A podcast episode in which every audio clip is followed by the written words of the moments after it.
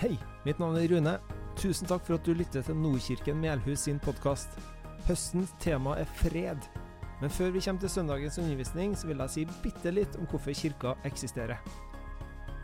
Nordkirken Melhus eksisterer fordi vi vil nå ut med de gode nyhetene om Jesus Kristus til mennesker rundt oss. Som fellesskap skal vi få vitne om Jesus i ord og handling. Det vil gjenspeiles i måten vi gir av både tid, penger, ressurser, gaver og tjenester og egenskaper som du er utrusta med. Ikke som et krav, men som en respons på hva Gud har gjort for deg. Det som er viktigst for oss, vil komme til uttrykk i livene våre. Så skal du i kirka samtidig få lov til å erfare at Gud er levende, og ønsker en relasjon med deg som varer gjennom alle livets faser og perioder. Vi er ei kirke i vekst, og helt konkret så vil vi gjerne styrke vårt arbeid mot barn og unge og misjonsprosjekt i Senegal, og derfor vil jeg utfordre deg til å være med å be. Ikke én gang, men kontinuerlig. Vær med å gi gjennom fast givertjeneste, vær med å bruke de gavene du har fått, til en velsignelse for andre. Se nordkirkenmelhus.no for mer informasjon om hvordan du kan engasjere deg. Lykke til! Hei, hei, hei. Så fantastisk kjekt å se at det er helt stappfullt i Nordkirken Melhus i dag. Vi samles til gudstjeneste, og det er så mange folk. Det er like før vi må åpne opp Lillesand Lillesalen for å få nok plass til alle sammen. Og det er kjekt. Veldig kjekt. Mitt navn er Rune, pastor for Nordkirken Melhus. Det er et, eh, fortsatt et eh, privilegium å få lov til å være pastor i denne flotte menigheten. Ikke perfekte menigheten, det må jeg få lov til å si, men flotte menigheten. For det står jeg for. Yes. Temaet for høsten i Nordkirken, det er fred. Det var et ord som eh, kom opp tidligere i vår under bønn under flere samlingspunkter. Et ord som ga gjenklang i flere personer i menigheten. Så vi kjente på at det var riktig å gå for. I dag så er vi samla til fest. Det er en gledens dag.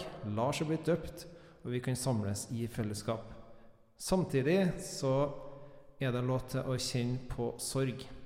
Vi er en menighet i sorg, og vi har opp gjennom årene flere ganger blitt eh, ramma ganske hardt. Og det skal vi være åpne om, og det er lov til å kjenne på. Kanskje var det derfor at jeg under forberedelsene kjente sterkt på at denne talen skal ta en litt annen retning enn hva jeg i utgangspunktet tenkt, og som jeg snakka med noen andre om. Så ikke bli sint på meg fordi at eh, det blir en litt annerledes tale. Eh, jeg kjente litt på at jeg skulle snakke om livet. Så temaet for, eller tittelen for dagens tale er kanskje 'Fred i stormen'. Det er noe som eh, passer seg. Og så håper jeg at Den hellige ånd kan få lov til å utfordre deg litt i dag. At han pirker litt i deg. Og det er bra. Det tenker jeg må være, sånn, eh, det må være et mål hver gang vi møtes, at vi kjenner litt på en utfordring. Utfordring som leder oss i en riktig retning. Uh, utfordring som leder oss i en retning som er bedre for deg, og som er bedre for oss. Så Samtidig håper jeg at du kjenner på en indre fred, og at de to tingene her henger sammen i dag. Da kan vi slå opp i Johannes Johannes kapittel 14, vers 27, som er dagens tekst. Det er Jesus som sier. Fred etterlater jeg dere, min fred gir jeg dere, ikke den fred som verden gir. La ikke hjertet bli grepet av angst og motløshet, eller frykt, som også eh, enkelte andre oversettelser skriver. Jeg vet ikke hvordan det er med deg, men jeg kjenner i hvert fall i perioder på bekymring og uro. Og det her er jo egentlig noen helt idiotiske bekymringer. Eh, for jeg tenker at eh, hva, hva, gir det meg egentlig, når jeg ser i retroperspektiv på de her bekymringene? Eh, ofte er det bekymringer som er knytta til mitt møte med andre mennesker. Kanskje spesielt dem jeg ikke kjenner så godt. da. For da begynner jeg å tenke hva, hva tenker de om meg? Hva, kanskje de tenker at jeg er helt uh, idiot. Kanskje de tror jeg er dum. Og så blir det en sånn uh, uh, veldig stor bekymring da, som forankrer seg i, i meg. Og så har du sånn andre typer bekymringer jeg går og kjenner på, f.eks. hvordan Manchester United spiller for tida. Eh, det, ja, det skal ikke man spøke med, for jeg har en nabo som har en uh, tatovering, Liverpool-tatovering. Og den viser den fram ganske hyppig for tida, og den syns jeg blir bare større og større, egentlig. Og så har du de bekymringene som stikker litt dypere. Som handler om, handler om folk som jeg er glad i, da. Hva tenker hvis det og det skjer? Og så unnskylder jeg meg med den tanken at eh, ja, da er jeg i hvert fall litt forberedt hvis det skulle skje noe. Jeg tror egentlig at det er en løgn, da. For jeg tror ikke man vinner så mye på det. Men sånn er jeg, og så tenker jeg at det er eh, enkelte ting jeg kan jobbe med. Men fred, det er et aktuelt tema. Jeg tror ikke det er bare aktuelt for oss i Nordkirken. Eh, fred er noe som eh, man lengter etter. Og så er det jo sånn at vi kanskje kjenner spesielt på det, vi som bor i Vesten, etter krigen brøt ut i Ukraina. At man lengter etter fred, og så kan man kjenne på en urolighet i forhold til det. Kanskje har du tenkt at eh, hva hvis krigen kommer til Norge? Og så er media veldig flinke til å blæse opp det der. Blæse opp ting som gir oss bekymringer. Tenk hvis det blir atomkrig. Eh, kan verden reddes, hvis vi tenker på det miljøperspektivet? Og så er det andre ting som kanskje bekymrer deg eller gir deg uro. Men hvor finner du fred når det stormer rundt deg? På tross av kaos og uro rundt oss, så snakker Bibelen om en type fred som er tilgjengelig her og nå.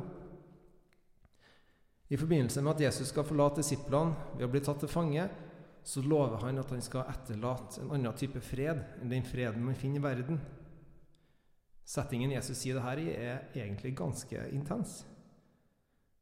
Selv om disiplene ikke har fatta det, så vet Jesus at han snart skal bli tatt til fange, skal bli torturert og hengt på et kors. Det står i begynnelsen av kapittel 13. Jesus visste at hans time var kommet.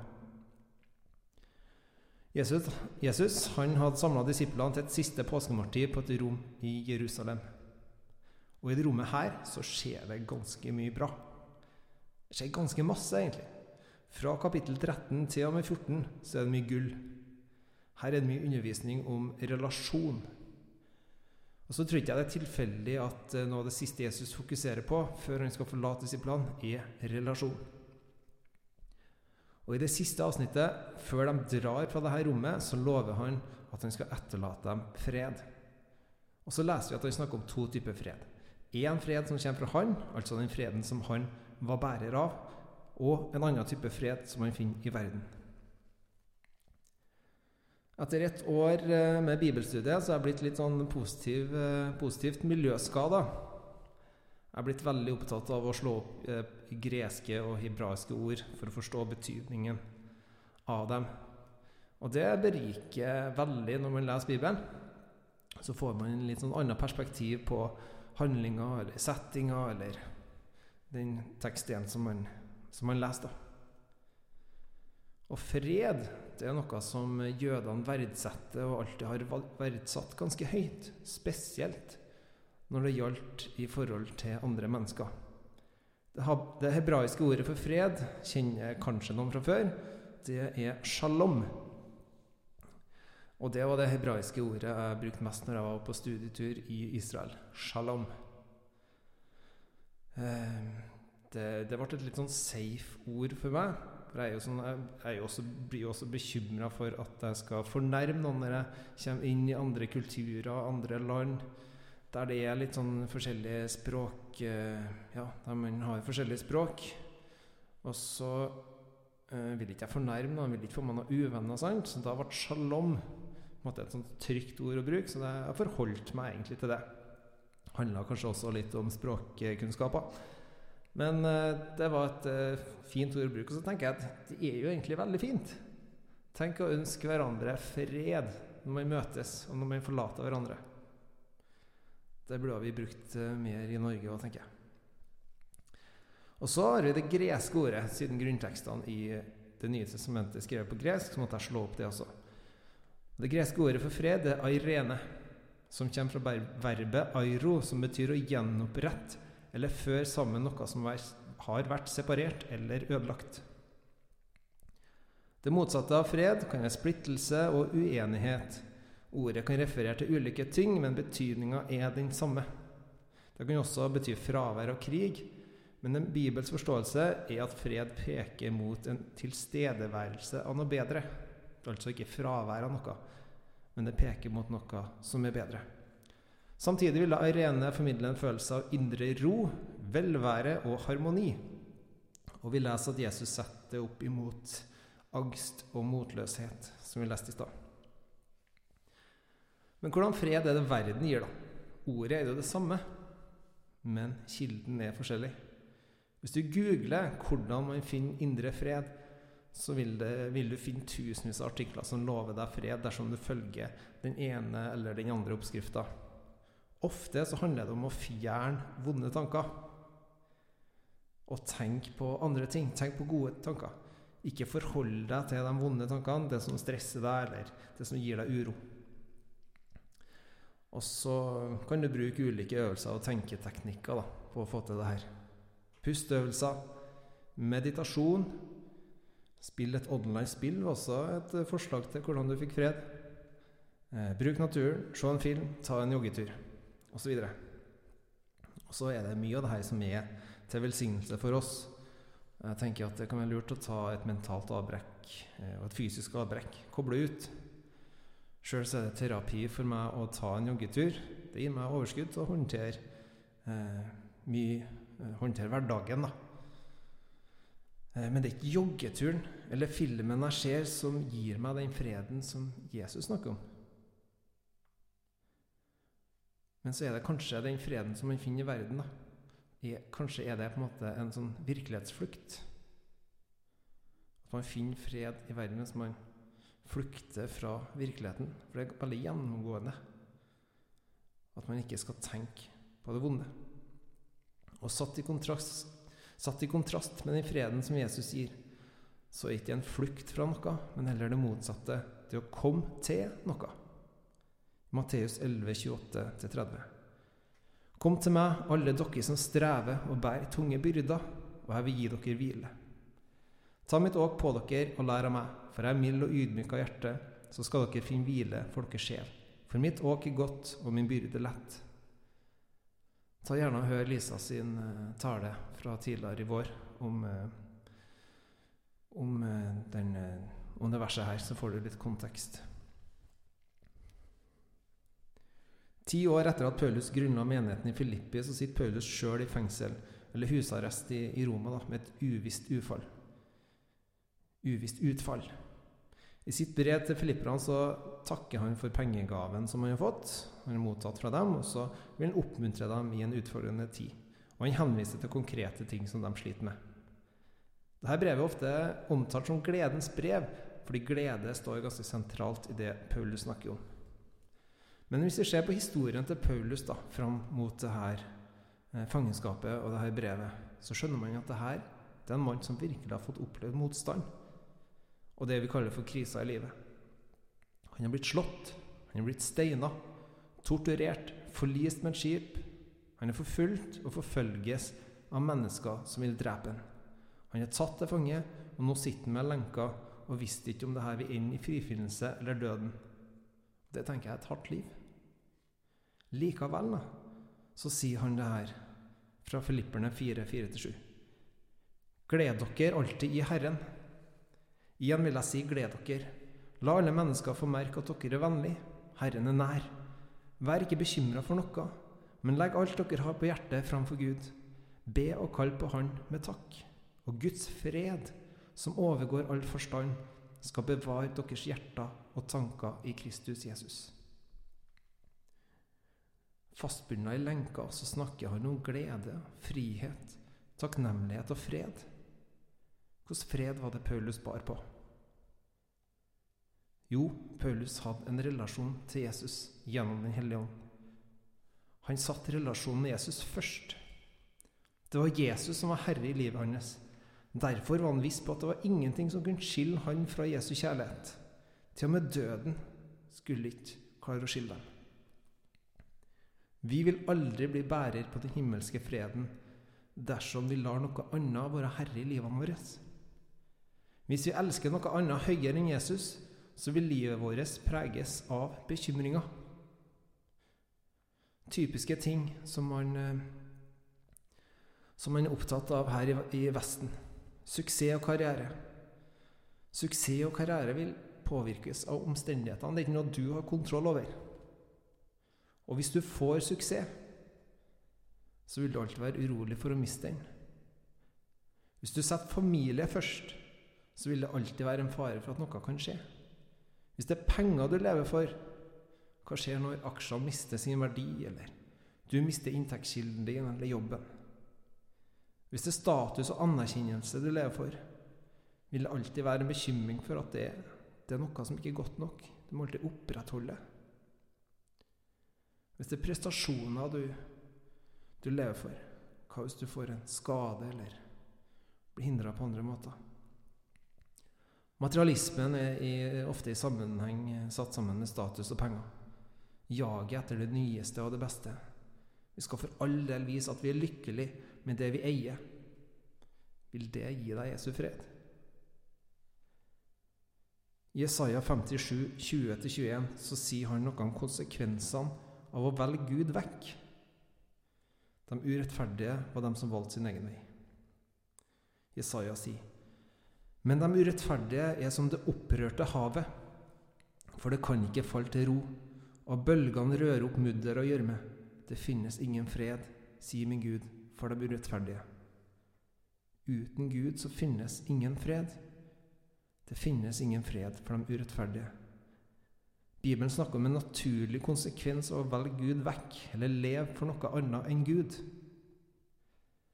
Hvis du lever for noe annet enn Jesus, hvis du elsker noe høyere enn Jesus, så vil man være som det opprørte havet. Fordi livet ditt er som et hus bygd på sand og ikke steingrunn. Det vil alltid komme bølger slående inn, og noen gang vil det komme skikkelige stormer. Hvis du elsker noe annet høyere, så vil du alltid kjenne på en urolighet for å miste det. Så Gud sier at en naturlig konsekvens av å gå vekk fra Han, eller ikke bygge livet sitt på Han, det er dyp urolighet. Vet du hvem som har tatt de konsekvensene Isaiah snakker om? 2. Korinter 5,21. Han som ikke visste av synd, har han gjort til synd for oss, for at vi i Han skulle få Guds rettferdighet. Det betyr ikke at Jesus ble syndfull, men at Gud behandla han ut ifra syndens straff. Jesus ble behandla som den urettferdige. Det betyr at på korset så tok Jesus all konsekvens for hva vi har gjort. Jesus han gikk ikke gjennom tortur og korsfestelse med en himmelsk fred. Hvorfor ikke? Fordi han mista den. Han roper ut 'Min Gud, min Gud, Hvorfor har du forlatt meg? Han døde med en utholdelig smerte. Prisen han betalte, var stor. Han mista all sin fred for at jeg og du skal få evig fred. Og det er Guds enorme kjærlighet for oss, som gjør at han er verdt å elske, verdt å le for, verdt å ha en relasjon med. For hva skjer da? Du vil bli bærer av en evig fred som har påvirkning på livet ditt. Din suksess og karriere vil du nå bruke til en arena til å være som et vitnesbyrd for evangeliet. Familien din vil du elske så høyt at du er villig til å dø for dem fordi han har dødd for deg. Du vil gi familien din det beste. Du vil prioritere kirka som en aktivitet, men som en livsstil. Så vil du se at familien din den er faktisk større. Kirka er som en familie, sant? Dine penger, om du har mye eller lite, vil du forvalte til å bygge Guds rike. For det handler ikke om deg, det handler om Han. I stedet for å jakte etter status og anerkjennelse, så vil du i ydmykhet løfte opp den svake og minste rundt deg. Du vil sette andre høyere enn deg sjøl. I stedet for å jakte etter det nyeste og det flotteste, så vil du leve i stor takknemlighet for det du har, og det du er velsigna med, for så å velsigne videre. Dette er ikke en sånn to do-liste eller oversikt om hvordan man tar seg sammen som kristen. Men jeg, men jeg tenker at dette er frukta av å være i Jesus og ha en relasjon til Han. Frukta av å innse hvor stor prisen han har betalt for deg. Han har gjennomgått alt for at du skal få en evig fred. Så skal vi stadig få lov til å be om tilgivelse og bæres av nåden fordi vi bevisst og ubevisst velger Gud vekk. Gud han er ikke ute etter dine prestasjoner. Han er ute etter hjertet ditt. Og det her det utfordrer meg på flere områder. Det kjente jeg på når jeg forberedte her. Vi er alle mennesker her. I hvert fall så kjenner jeg at jeg er det. Og jeg kjenner på perioder med stress og bekymringer og uro. Men når jeg ransaker meg sjøl, så ser jeg at jeg ofte at jeg tyr til andre løsninger og kilder til fred. da. Når jeg har en utømmelig kilde gjennom Jesus. Som vi snakka om innledningsvis, fred eller airene kommer fra verbet airo, som betyr å gjenopprette noe som er ødelagt. Med sin død oppstandelse så gjenoppretta han vår relasjon med Gud og gjorde oss i stand til et liv i evigheten. Hvorfor hadde Paulus en sånn fred at han så det som en fordel både å dø og bli frikjent? Han, han var ikke likegyldig, men han regna på det og så det som at det er faktisk en fordel både å dø og bli frikjent. Jo, fordi han hadde et håp. Paulus visste at det ikke stoppa med livet her. Han visste at Jesus vil komme tilbake og ta et siste oppgjør med all ondskap. Han visste at Jesus vil komme tilbake og gjøre allting nytt, forny denne jorda. Ei jord uten sorg, skrik, smerte, sykdom og død. Han visste at han skulle møte Jesus igjen, og at det kom til å bli fantastisk. Han visste at han skulle få oppleve det her, ikke pga. det han har gjort, men fordi, Jesus, fordi det Jesus har gjort for han. Paulus, Paulus kjente på en indre fred i et liv med storm. Den samme freden har Jesus gitt deg også. Har du tatt den imot? Så mitt spørsmål til deg kjenner du på den samme freden? Da tenker jeg ikke konstant. Men har du kjent på denne freden? Og hva er det eventuelt som hindrer deg i det? Jeg vil avslutte med en historie eh, som har eh, gjort inntrykk på meg.